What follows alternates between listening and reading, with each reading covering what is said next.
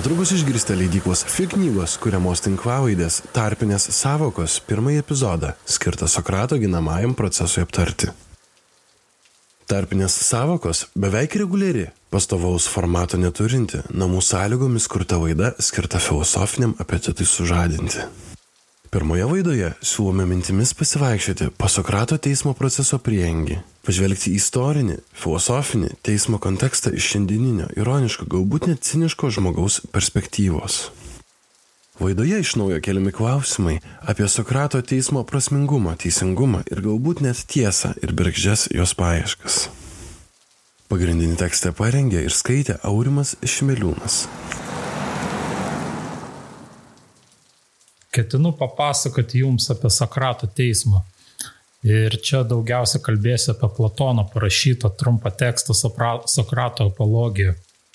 Apologija tai reiškia ginamoji kalba teisme ir tai yra pagrindinis iki mūsų dienų išlikęs šaltinis apie šį teismo procesą, kurį užrašė vienas iš Sokrato mokinių Platonas. Tiesa, e, dar yra apie tai savo laiku rašęs Ksenofontas, tačiau jos tekste Sokratas tikrai nėra toks patrauklus kaip pas Platoną. E, sakykime taip, e, Ksenofonto tekste Sokratas netrodo tokiu rafinuotu kuklumu spindintis filosofas. Jis daugiau yra panašus į kažkokį tai eilinį teisybę sakantį ir nekaltai nuteistą personažą, kurių visais laikais pilna ir kurie, tiesą sakant, jau mums seniai atsibodė Na, pas Platoną jis yra kitoks, tarkim, pavaizduotas su tokia labiau meilė, su elegancija, nu, turbūt neatsitiktinai, ne, kadangi Platonas buvo jo mokinys ir pakankamai jaučiasi, kad Platonas iš tikrųjų iškarpęs tą tą patį procesą ir greičiausiai mes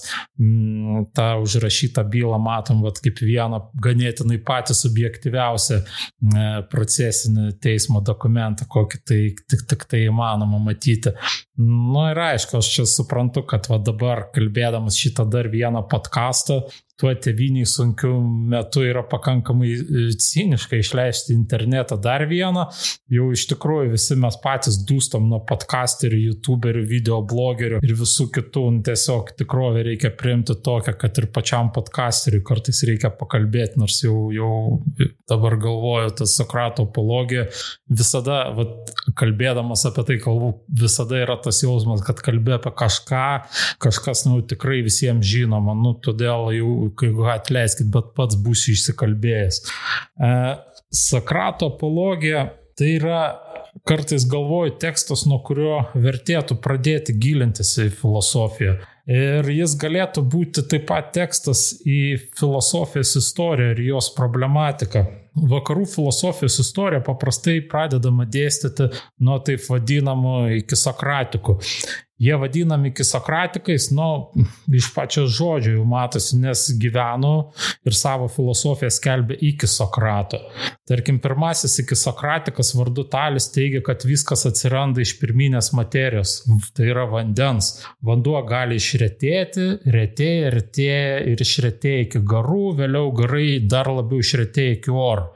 Ugnis, tarkim, esanti tas pats vanduo, kuris išretėjo iki garų, išretėjo iki oro, o tas oras išretėjo iki ugnies. Taigi ugnis yra kaip ir vanduo, atitinkamai vanduo gali ketėti kitaip sakant, judėti į kitą pusę, sukėtėja į ledą ir galiausiai iš ledo pavirsta į žemę.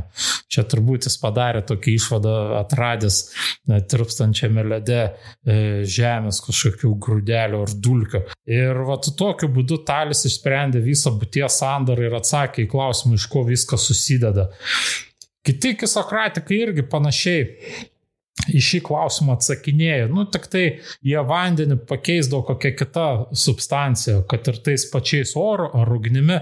Ir pas kitus iki Sokratikus būties transformacijų grandinė irgi iš esmės yra ta pati, tik tiesiog tas pradinis pradas, tos grandinės paima vis kitoje vietoje, kita grandis jau nebe vanduo, ko gero dėl to, kad vandenį, va tą pačią idėją, kad būtent vanduo yra pirminis pradas, nu jau buvo talis užsipatentavęs. Nu, Po to buvo dar skirtingų variantų, tarkim, buvo idėja, kad e, tų pradų yra ne vienas, kad jų yra keturi ir kad mes susidedam iš tam tikro santykio tarp įvairių pradų ir taip toliau. Ir dabar jie kūrė iki Sokrato, nu ir ta, tas atskaitos taškas va, tarp jų ir tarp Sokrato. Ir Sokratas iškylo kaip kryškelė, tai yra filosofija iki Sokrato ir filosofija po Sokrato. Nu, be abejo, posokratinė filosofija yra gerokai gausesnė, nors tarkim kokiam Heideggeriui, tai kiek man susidarė įspūdis, o būtent iki Sokratikai yra kažkas, dar kažkas, tai kas vyksta, kas dar vyksta yra svarbaus, o po to tik tai degradacija. Nu, beje, Nyčia irgi. E, bet kodėl Sokratui, šiuo atveju tas sokratiškasis lūžis yra tai, kad ten Sokratas išskiria žmogų kaip problemą. O tiem iki Sokratikam jie, jiems svarbiau, kas iš ko atsirado, kaip, kaip kas keičiasi, kaip pasaulis transformuoja, o transformuojasi o žmogus. Žmogus tai yra pasaulio dalis, tai kas tinka pasauliui, tinka ir žmogui. Tas pats, kaip, kaip pasakyti, kaip, kaip vanduo išretėja į orą arba sukėtėja į žemę, nu taip vanduo sukėtėja žmogui ir jokių čia problemų nėra. Toks ganėtinai materialistinis požiūris, sakyčiau. Bet Sokrato apologija, tekstas, jisai galbūt būtent dėl to, va, tuo savo ėmėsiu žmogui, jisai užduotų gerą toną, va, jeigu norėtumėt pradėti nuo, nuo jo studijuoti, aš kartais galvoju, jeigu būčiau pradėjęs studijuoti ir, ir pats pirmas tekstas būtų buvęs Sokrato apologija. Tai yra saliginai trumpas tekstas, galima jį perskaityti per vakarą. Tai nėra iš tų tokių, na, piktybinių veikalų, kuriuos savo pažadį persiskaitant, tarkim, kokią kantą grinojo protiko kritiką, kur atrodo, nu, atrodo gerai, perskaitai viskas gerai, nu, bet ne, neper, neperkaisi per vieną vakarą, tada ateina kitas vakaras, po to vėl skaitai, po to jauti, kad pradedi kovoti, kovoji vieną vakarą, kovoji kitą, po to pajunti, kad, kad jau skaičiuoji puslapius, kad jau užknisa, kad atsiranda vakarai, kai susirandi kažkokios prasmingesnės veiklos, nes iš tikrųjų žmogaus gyvenime yra prasmingesnių veiklų negu filosofinių knygų skaitimas. Taip pat, e, na ir netgi tiesą sakant, tų veiklų yra ne viena. Bet su Sokrato apologija taip neturėtų atsitikti, ją tikrai galima įveikti per vakarą ir netgi galbūt dar liks kažko e, daugiau laiko nuveikti tą patį vakarą. Pavyko man, turėtų pavykti ir kitiems. Tai yra, aš sakyčiau, saliginai nesudėtingas tekstas. Jį galima skaityti, ten išgerus vyną ar dar ko nors. Sakau, saliginai nesudėtingas, nes iš tiesų jis irgi yra iš tokių tekstų, po kuriuo sakoma, kad antrą kartą skaitydamas vėl kažką sužinosi. To teksto, kurio min, vadinasi Sokrato apologija, kaip minėjau, autoris yra Platonas. Platonas tarp filosofų turi tokią reputaciją, kad jis sugebėjo iš filosofijos padaryti literatūrą. Ta prasme, ne tai detektyvą, ne tai trilerį, bent jau jo tokia reputacija, kaip sakiau, na, mano nuomonė nėra visiškai taip, kad pajusti tikrą Platono kalbos grožį reikia galbūt būti praleidusiam prie jo tekstų nemažai laiko. Aš, aš jau apie tai nekalbėsiu, kad reikia išmokti senovės graiko kalbą. Kartais man atrodo, kad tie, kurie skaito Platono originalų kalbą irgi veidmainiauja, nes aš, man sunkiai įsivaizduojama situacija, jūs tarkim išmokstate senovės graikų kalbą, nu išmokstate, vad kai jau galite perskaityti vat, laisvai tekstą ir staiga sakot, ai, nu žinot, tas Platonas nepatinka patinka jis man, nu kažkaip man tokia panaši link savižudybės, nu turiuomenį, mokaisi graikų kalbą vien tam, kad sužinotum, kad Platonas tau nepatinka. Na, aš tai neprisipažinčiau turbūt. Ir, bet dar kitas dalykas, vis tiek reikia prie šito teksto būti praleidusiam kažkiek laiko. Reikia jį skaityti, po to pasiklausyti apie įvairių interpretacijų paskaityti dar kartą. Ir po kiek laiko gali būti, kad iš tikrųjų pasirodys, kad tas tekstas įtraukia ir netgi turi intriguojančią atomasgą. Bet vėlgi sakau, prisimindamas save, aš tos atomasgos tiesą sakant nepajutau perskaitęs pirmą kartą, nors aišku, mano pirmas kartas tai buvo daugiau kaip prieš 20 metų. Bet kuriuo atveju, nu, turbūt tas laikas praleistas irgi prie Platono, galbūt ta, tapsite savotiškais jo įkaitais, nes bus kažkaip sunku prisipažinti, kad o štai skaitėt, skaitėt Platoną ir vis tik tas kalbos grožis jums neatsiskleidė, visiems atsiskleidė, jums neatsiskleidė. Intrigos Platono tekstuose, na, turėtumėt vis tiek, visgi turėtumėt atrasti, nu bent kažkiek.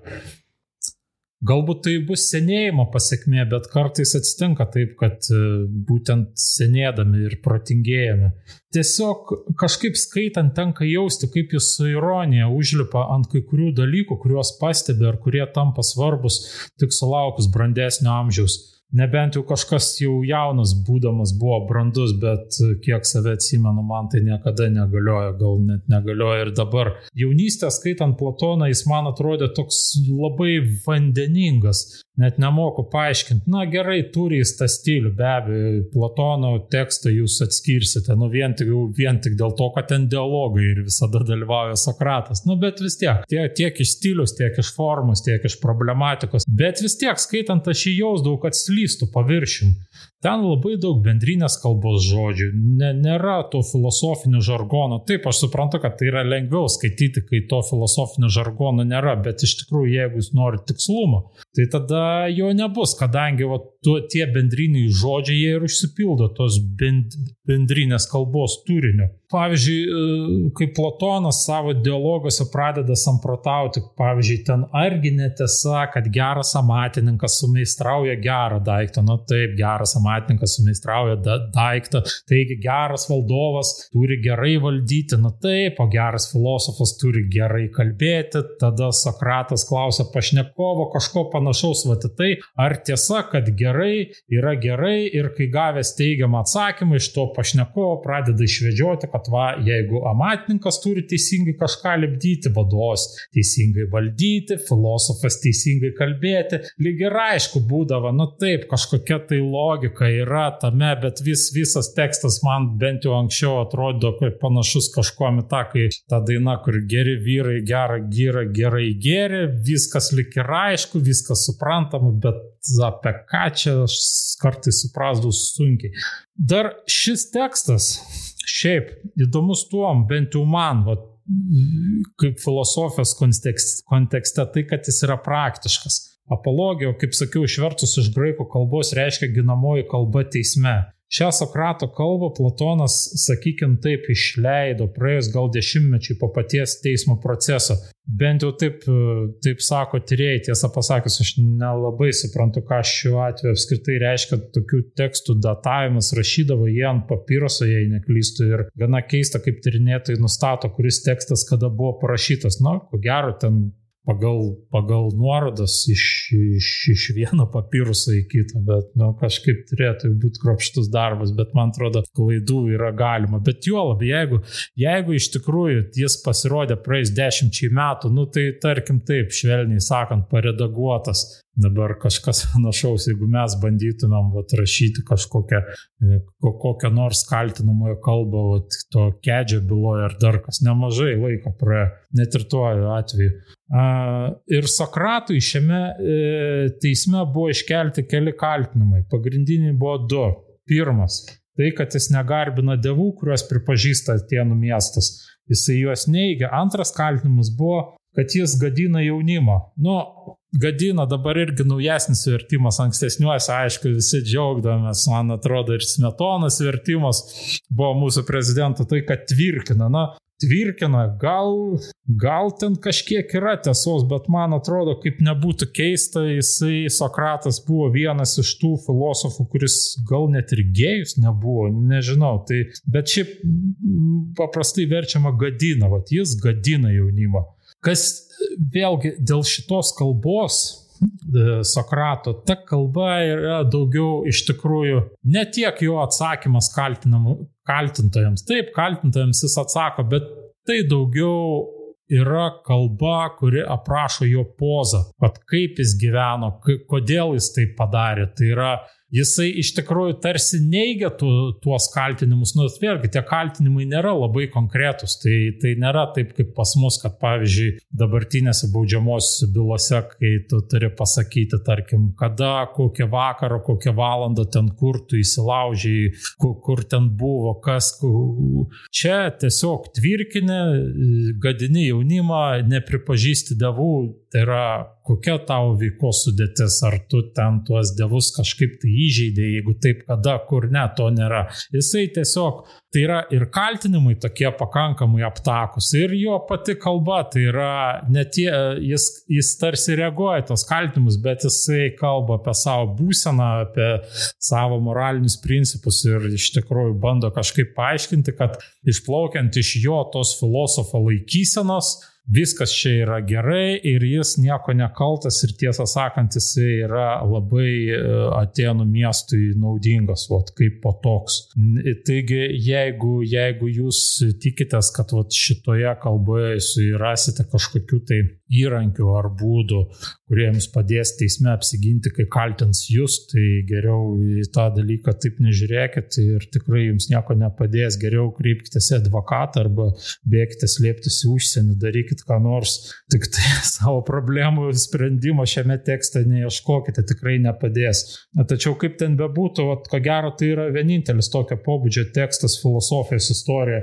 Bent jau aš nežinau jokio kito teksto, kuris vat, turėtų tokią praktinę pateikimo formą ir tuo pačiu būtų priskirtinas absoliučiai klasikai. Tai yra ne kažkokie metafiziniai apmąstymai ar gnoseologiniai, tai yra teismas, teismo kalba, kuria, kuria užrašyta filosofo pozicija ginanti jo pažiūras. Dar vienas dalykas.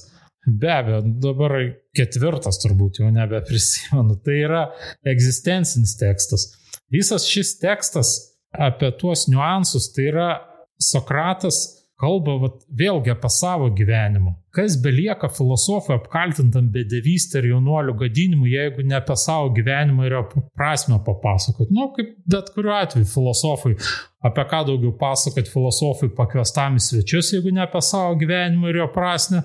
Kas belieka filosofui, jeigu jo prašo padėti baldus užnešti į ketvirtą aukštą, jeigu ne, nu, negu nepakalbėti apie savo prasme ir taip toliau. Ir ir neaišku, geriau turbūt pakalbėti, negu nešti tuos baldus. Ir ši ginamoji, ši ginamoji kalba yra kažkuom panašaus, kažkas panašaus į mirusią kalbą savo pačiam per savo laidotuvės. Vat man kažkuo tai priminė vat, į tą neo laikyseną iš filmo Matrica. Be abejo, turiu omeny pirmą trilogijos dalį, nes sekančias dvi aš nelabai supratau apie ką ten. Bet pirmoje yra vieta, kur Neo klausia Morfėjaus tipo, e, kai aš tapsiu One, tai tuomet ar aš būsiu toks kietas, kad galėsiu išsidodžinti nuo kulkų. Ir Morfėjas atsako, kad kai tu juo tapsi, tuomet tau to nereikės daryti. Taip ir čia va, tas tekstas yra apie tai, kaip Sokratas tapo tuo devon.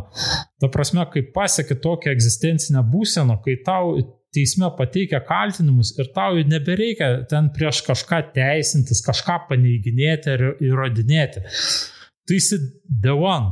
Tiesiog kalbi, nu, ne tai, kad bilia ką, bet tai, kas tau svarbu, o, o tai, kaip su tavim pasielgs, tau neturi jokios reikšmės. Nu, tiesiog, va, tu, tave pakvietė, tave apkaltino, tu atėjai, pasakėjai jiems, kaip yra.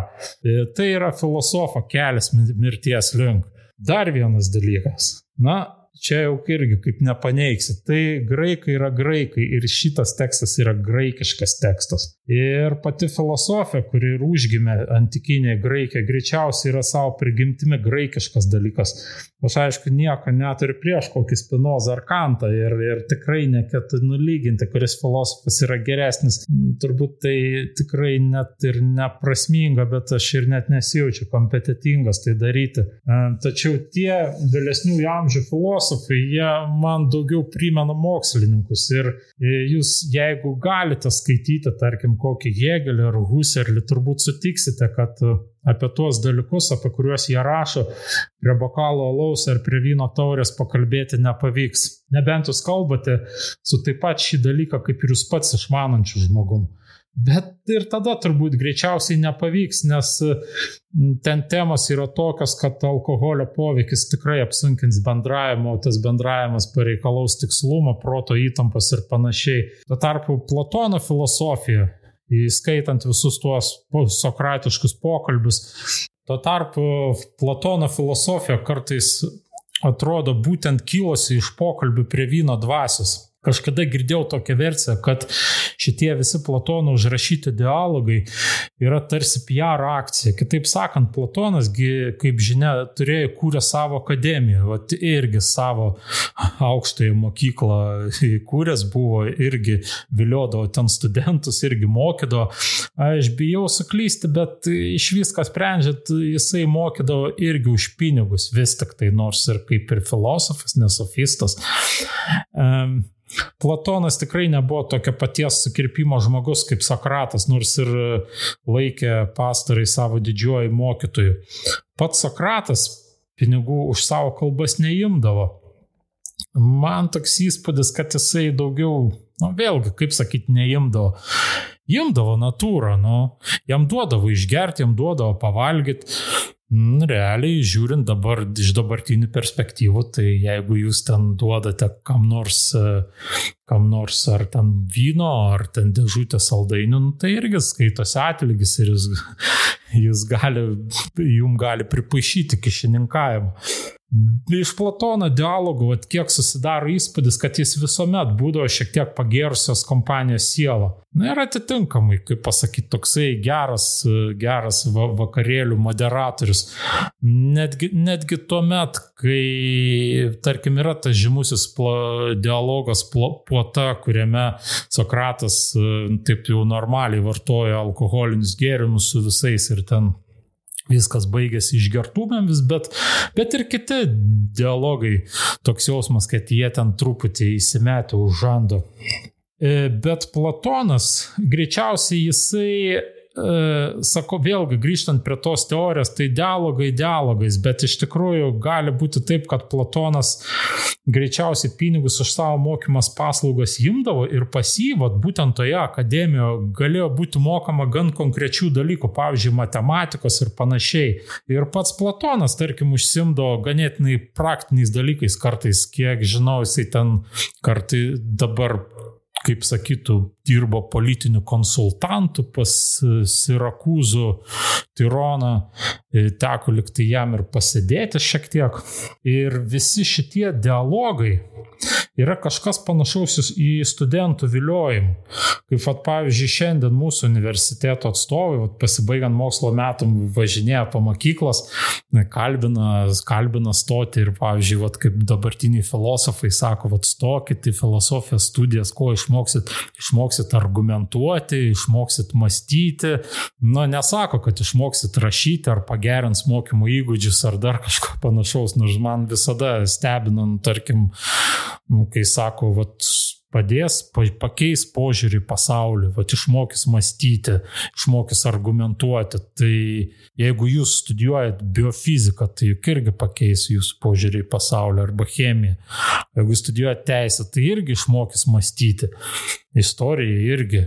Nu, tai dėl to ir sakau, tarsi man, man pavyzdžiui, pačiame tame teiginėjo yra užkoduotas prieštaravimas, nes tarkim, jeigu tu nori kažkom tai suvilioti studentą, tu turi vilioti tarsi tuo, ką tu turi, bet neturi kiti.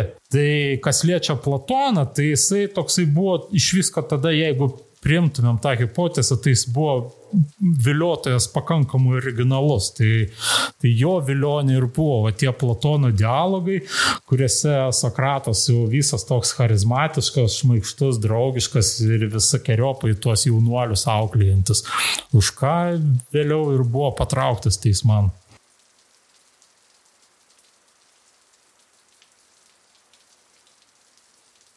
Dėkojame, kad klausėte. Neturime nei Contribui, nei Patreon platformų. Jeigu norite paremti tinklavadą, siūlome įsigyti mūsų knygų www.fiknygos.lt. Naujausius epizodus galite rasti visose tinklavaidžių platformose. Sekite mus Facebook'e ir Instagram'e. Sekančioje laidoje toliau gilinsimės į Sokrato teismą.